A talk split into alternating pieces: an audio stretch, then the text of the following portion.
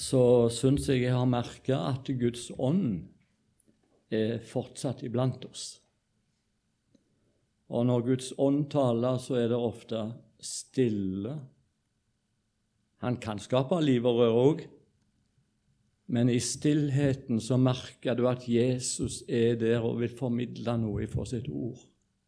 Og så må vi bare lytte. Det syns jeg vi har merka. Kan vi ikke be litt sammen? Kjære Jesus. Takk for det du allerede har talt til oss.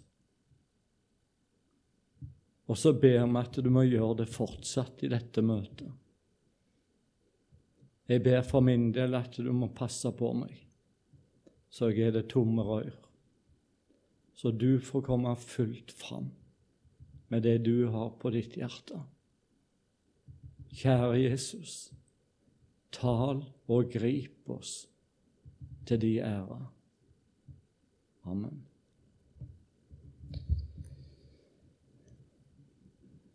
Når det er søndags formiddagsmøte, så prøver jeg å kikke på den teksten som er satt opp i kirkeåret, som vi kaller det så fint. Og hvis den gir meg noe, så hiver meg meg utpå. Og hvis jeg ikke får hull på det, så lar jeg være. Så fritt har vi det. Men så har jeg funnet ut vi har godt av å Her er teksten. Gå inn i den og se om du får noe. Og Da leser vi dagens tekst ifra Lukas 9 og ifra vers 28. Det er jo flott å høre når de blar i bibler. altså Når, når bibelblading bryter stillheten. Det, det, liker vi altså. Omkring åtte dager etter at han hadde sagt dette, skjedde det at han tok med seg Peter, Johannes og Jakob og gikk opp i fjellet for å be. Og mens han ba, ble hans ansikt annerledes å se til, og hans klær ble skinnende hvite. Og se, to menn samtalte med ham. Det var Moses og Elias. De viste seg i herlighet og talte om hans bortgang som han skulle fullbyrde i Jerusalem. Peter og de som var med ham, var tynget av søvn. Men da de ble fullt våkne, så de hans herlighet og de to menn som sto sammen med ham. Og det skjedde, idet mennene skulle skilles fra ham, at Peter sa til Jesus.: Mester, det er godt at vi er her. La oss bygge tre hytter. En til deg, en til Moses og en til Elias. Han visste ikke hva han sa. Mens han talte, kom det en sky og overskygget dem, og de ble forferdet da de kom inn i skyen. Og det kom en røst ut fra skyen. Dette er min sønn, den utvalgte. Hør ham. Da røsten kom, så de ingen uten Jesus alene. De tidde stille og fortalte ingen i de dager noe av det de hadde sett.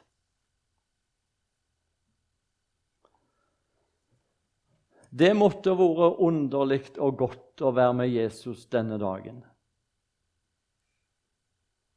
På fjellet da kommer to av kjempene fra Det gamle testamentet.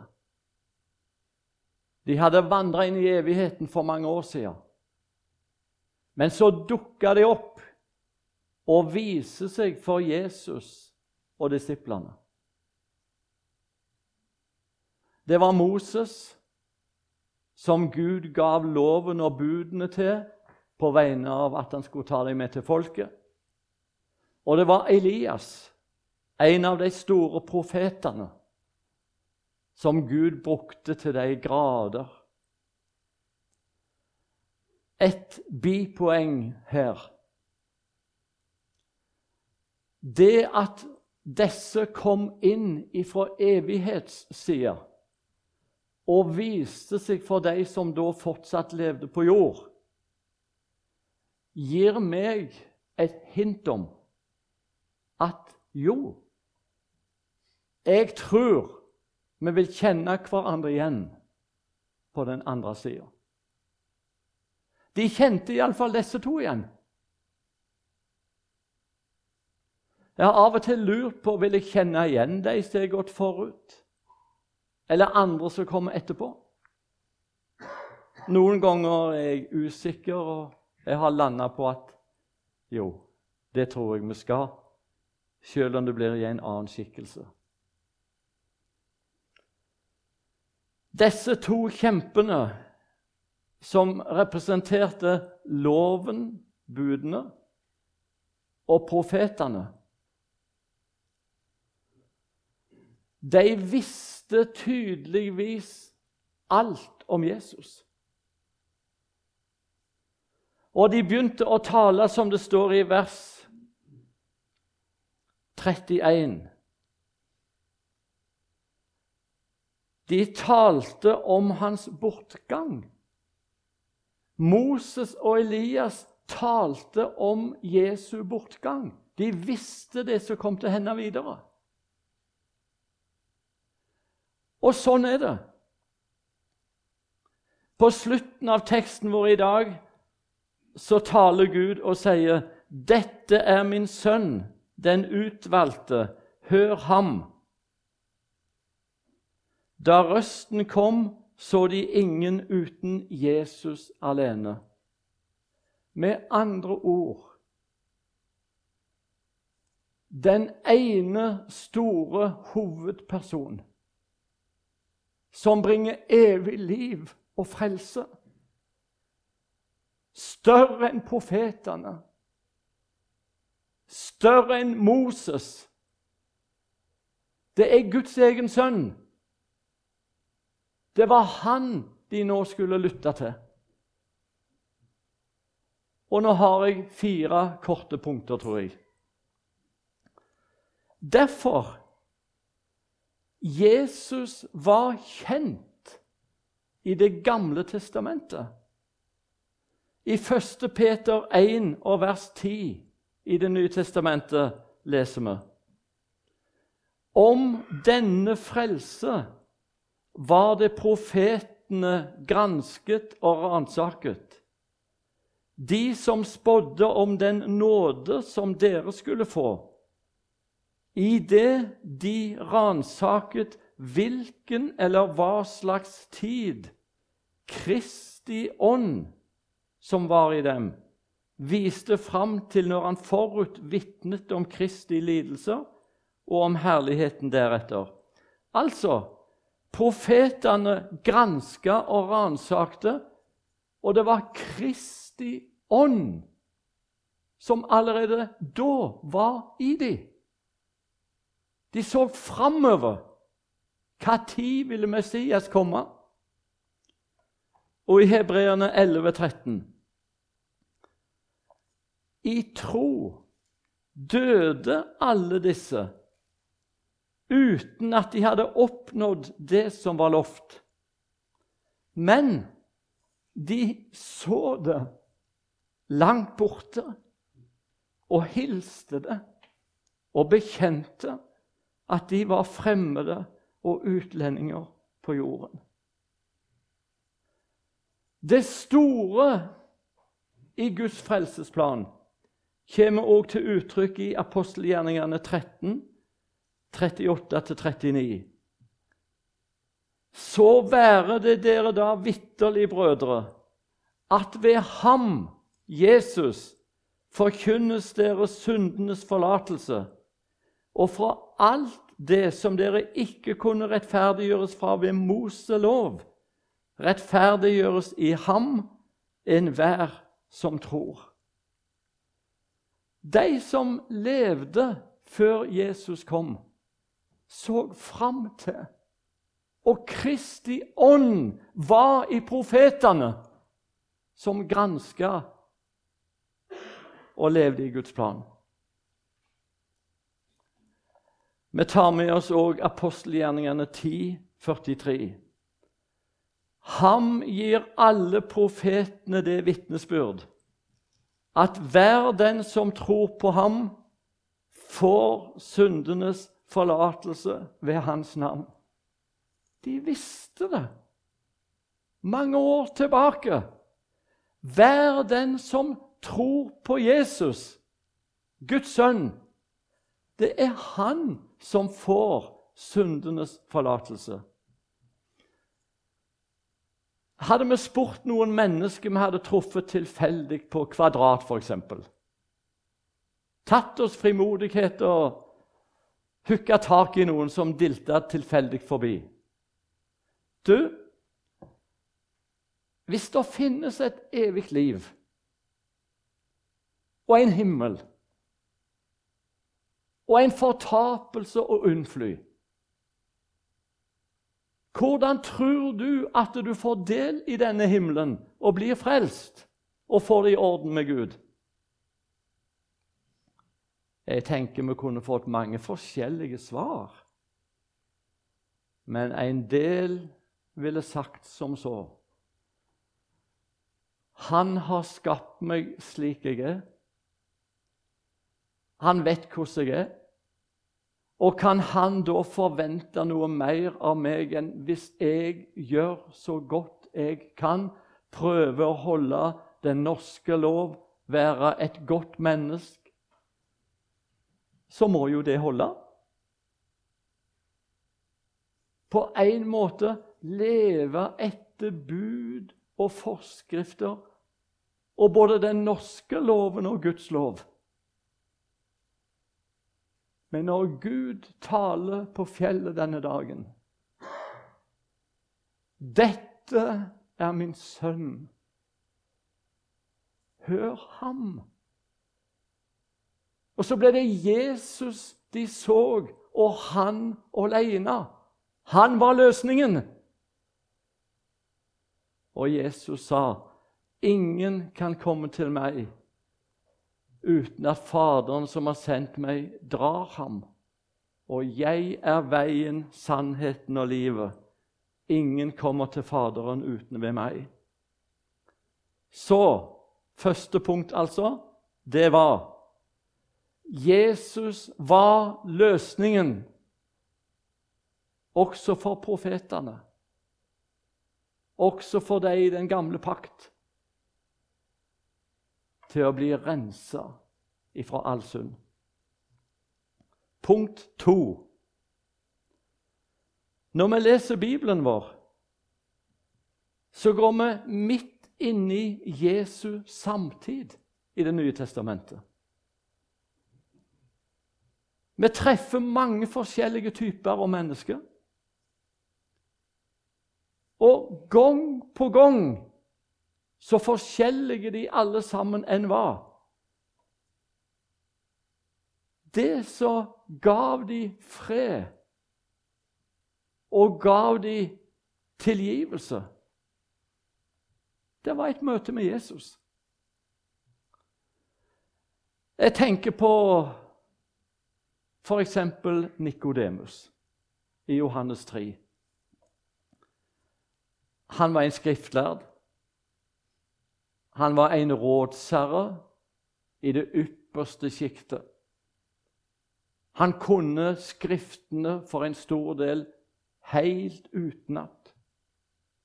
Han visste hva som var rett og galt. Og så hadde han visst begynt å lure på er det ikke noe mer. Han hadde nok ingen fred, ingen hvile. Og så tar han turen til Jesus og får en samtale med han midt på natta. Han den kloke skriftlærde, som sikkert har sittet på sida av andre som har hatt behov for sjelesorg tidligere, og skulle vise dem inn i Skriftene. Nå var han i nød. Den natta får han høre på Guds egen sønn. Og når han bl.a. sier til han, så, altså på den måten, har Gud elsket verden, at han ga sin sønn, den enbårne, for at hver den som tror på ham, ikke skal fortapes, men ha evig liv. Nikodemus leser vi om to ganger seinere iallfall. Han fulgte med Jesus. Han var på nært hold. Han hadde fått hørt klar tale. Husker du i Johannes 8 om kvinner som var tatt på fersk gjerning i hor? Hun hadde vært med på hor, tatt på fersken. Det var helt sant. Så kommer de som hadde greia på rett og galt, og griper henne, fører henne framfor Jesus. Hun kunne steines. Så sier Jesus, 'Den av dere som nå er uten synd' Han kan bare begynne å kaste den første steinen. Da tusler de bort, og Jesus sier til kvinna, 'Har ingen fordømt deg?' 'Nei, mester. Heller ikke jeg fordømmer deg.' 'Gå bort og synd ikke mer.' Tatt på fersken står ingenting om mannen som var minst like skyldig. Men der sto kvinna. Og så får hun hørt Jeg fordømmer deg ikke. Det er i orden. Det var av nåde. Guds sønn sto der og sa det til henne.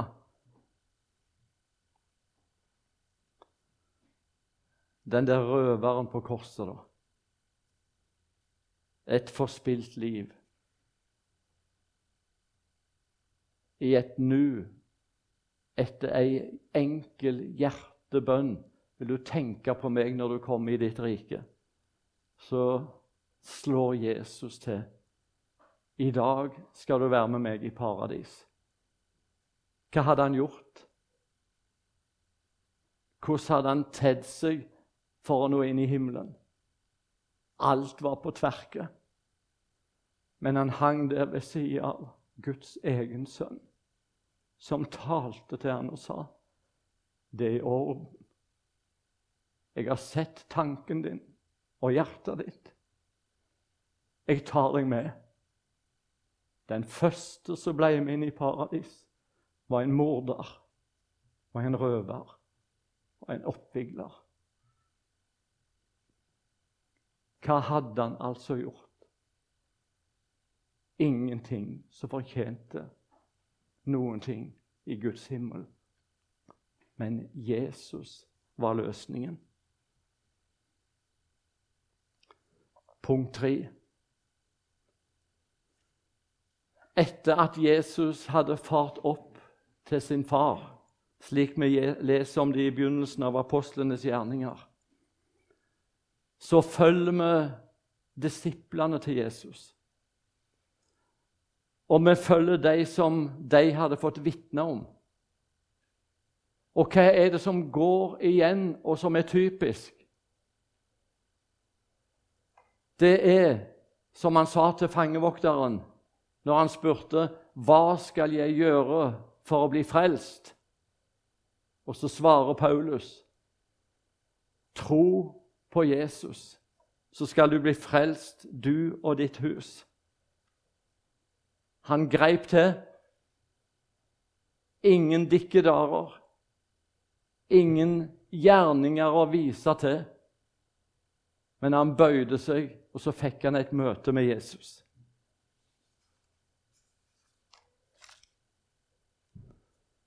Vi kunne tatt mange eksempler.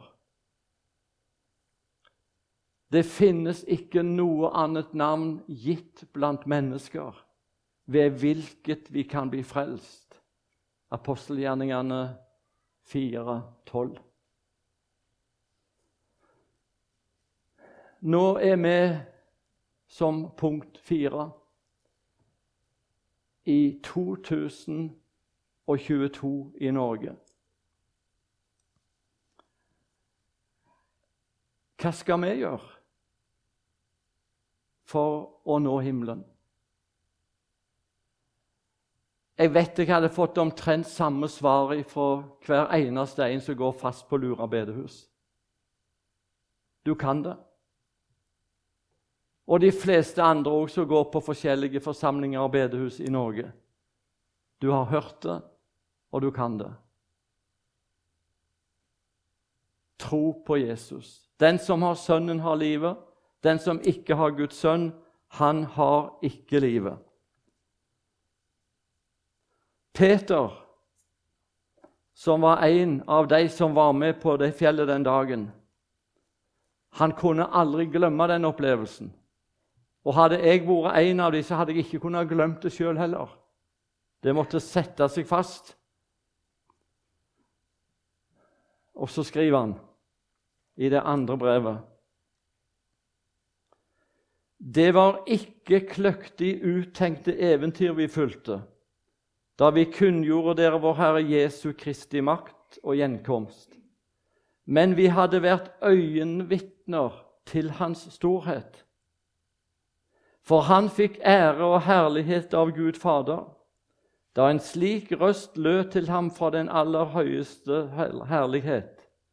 Dette er min sønn, den elskede, som jeg har behag i. Og denne røsten hørte vi lyde fra himmelen da vi var sammen med ham på det hellige fjell. Du så det satt fast i han. Og Peter hadde opplevd Jesus på nært hold. Han kunne vitne. Men du og meg, vi levde ikke da. Vi lever altså i 2022. Hvordan i alle dager kan det bli så levende for oss? Og så fortsetter Peter. Desto fastere har vi det profetiske ord, som dere gjør vel i å akte på. Det er som en lampe som lyser på et mørkt sted, inntil dagen lyser fram og morgenstjernen går opp i deres hjerter.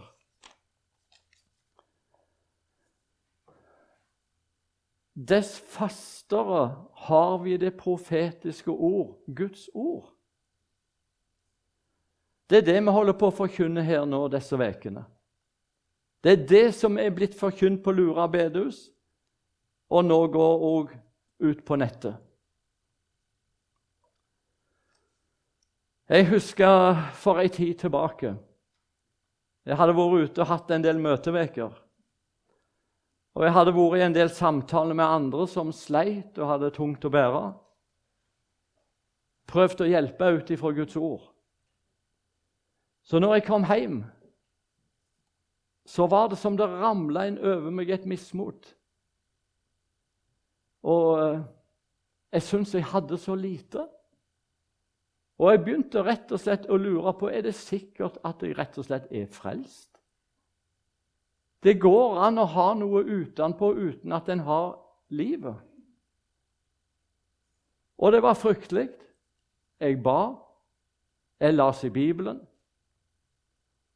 Jeg kunne gå turer og sukke og ba. Og så visste jeg snart skal jeg ut og ha møte igjen. Og så vet jeg ikke om jeg har det i orden. Tanken kom slik Hvordan kan jeg vite at dette gjelder meg. For selv om frelsen er for alle, så er jo ikke alle frelst. Så var det en dag jeg satt der tidlig på morgenen. Jeg holdt på i Johannes evangeliet. Hadde vel ingen tro på at jeg skulle få noe den dagen heller.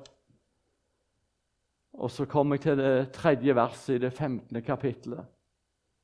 Der taler Jesus med noen av sine, og så sier han Dere er alt rene på grunn av det ord 'Jeg har talt til dere'. Det gikk rett inn. Det var som det var til meg. Nils Kåre, du er ren. Det er i orden. For jeg har sagt det på grunn av mitt ord. Du må bare tro meg på det jeg sier til deg, som står skrevet. Det ble et møte der jeg fikk hørt Guds sønn. Dette er min sønn, hør ham. Ordet nådde meg. Og så vet ikke jeg hvordan du har det her i dag, som kan det kanskje på fingrene, og som lengter etter en opplevelse. Opplevelser kan være gode, men det er noe som er enda fastere, enda mer til å stole på, slik det var for Peter. Dess fastere har vi ordet. Jeg eh, er veldig sjelden syk. Så hadde jeg meg en dualig forkjølelse her nå i vinter. da. Jeg har gått og skrytt av at jeg blir aldri forkjølt, for jeg drikker tran hele året. Men jammen, jeg tok feil der, altså. Men jeg drikker tran ennå likevel. Men så har jeg tenkt Jeg kjenner jo mange som er ordentlig syke og har alvorlige diagnoser. Kreft, hjerteproblemer. Og så har jeg tenkt Hvis nå jeg fikk en alvorlig kreftdiagnose Og så ble det forskjellige undersøkelser. Innom sykehuset, kurer, innom en egen fastlege, forskjellige kontroller. Og så hadde de gjort en innsats i flere måneder for å få meg på rett kjøl. Og så hadde jeg fått innkalling til legen min, fastlegen. Han visste hvordan det lå an. Jeg sitter på andre sida av skrivepulten, og så sier han Det vil si, det er ei dame. Så sier hun Jeg var veldig spent.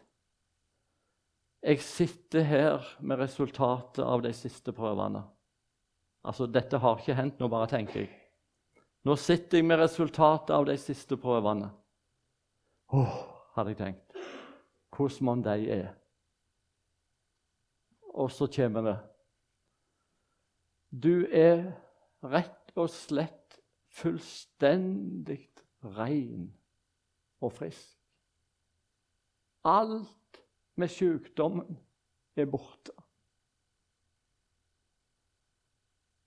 Jeg kjenner meg sjøl såpass. Fordi legen sa det. Jeg hadde stolt på henne 100% Jeg hadde blitt så glad. Jeg hadde merka takketonene kunne stige opp.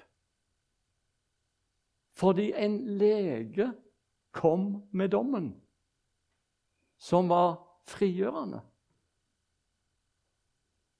Nå er det den store legen. Han vet alt. Han ser deg, og han ser meg.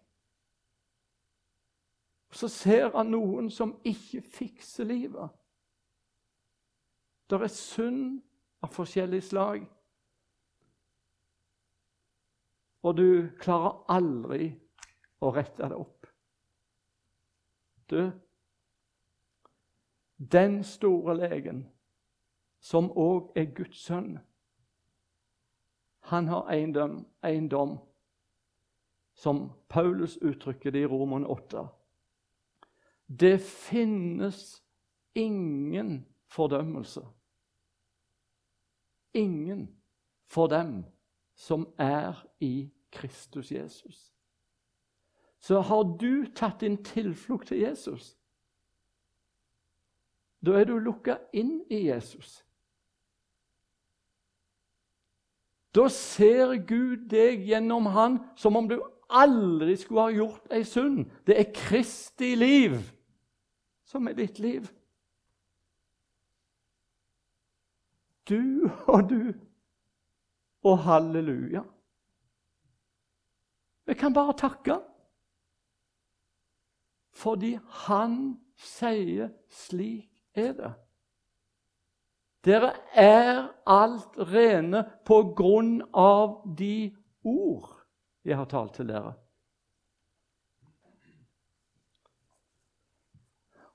Og så skulle du være her eller se på og lytte nå, som har hørt sitert f.eks. dette ordet at det er ingen fordømmelse for dem som er i Kristus Jesus, så slapper du kanskje av. Ja, det står jo det er ingen fordømmelse. Ja, men ta med alt. Det er ingen fordømmelse for dem som er i Kristus Jesus. Men er du utenom Jesus og prøver å ordne opp for deg sjøl, da er du dømt. Da er det bare natta. Da er det katastrofe evig. Og du er fortapt. Men kjære deg Du er velkommen til denne Jesus i dag uten å pynte på deg. Den som kommer til meg, vil jeg slett ikke støte ut. Han elsker syndere. Det er de friske som ikke trenger til lege.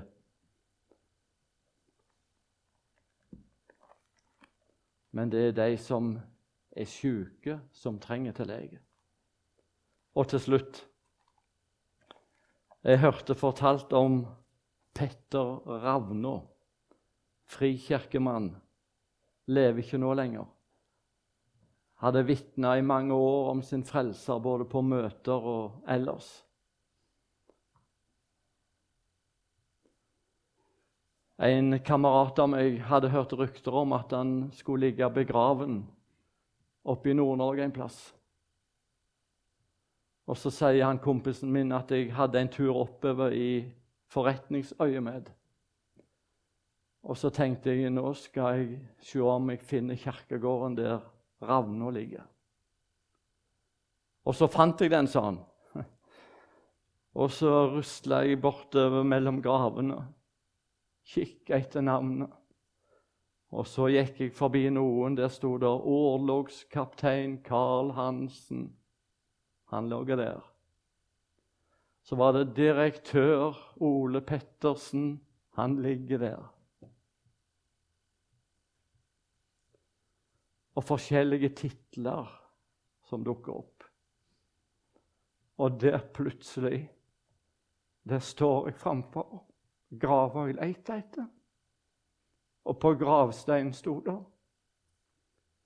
Petter Ravner synder frelst av nåde. Tittelen. Slik er det. Guds sønn, han deler ut nåde. Og var ikke det sant, så nådde vi aldri fram noen av oss. Jesus er løsningen velkommen. Og jeg er så glad at han fant meg. Kjære Jesus. Tusen takk. Takk at vi skal slippe å ordne opp sjøl. Takk at det er du som er den store gjennom hele historien og i vår samtid. Om ikke vi har møtt deg og vært øyenvitner legemlig til deg, så har du gitt oss et ord som er enda sterkere, og som holder, og som kan stole på. Og takk at det står at av nåde ved tru på deg, så er vi frelst. Vil du være her fortsatt, da? Vi legger oss i dine hender. I ditt navn. Amen.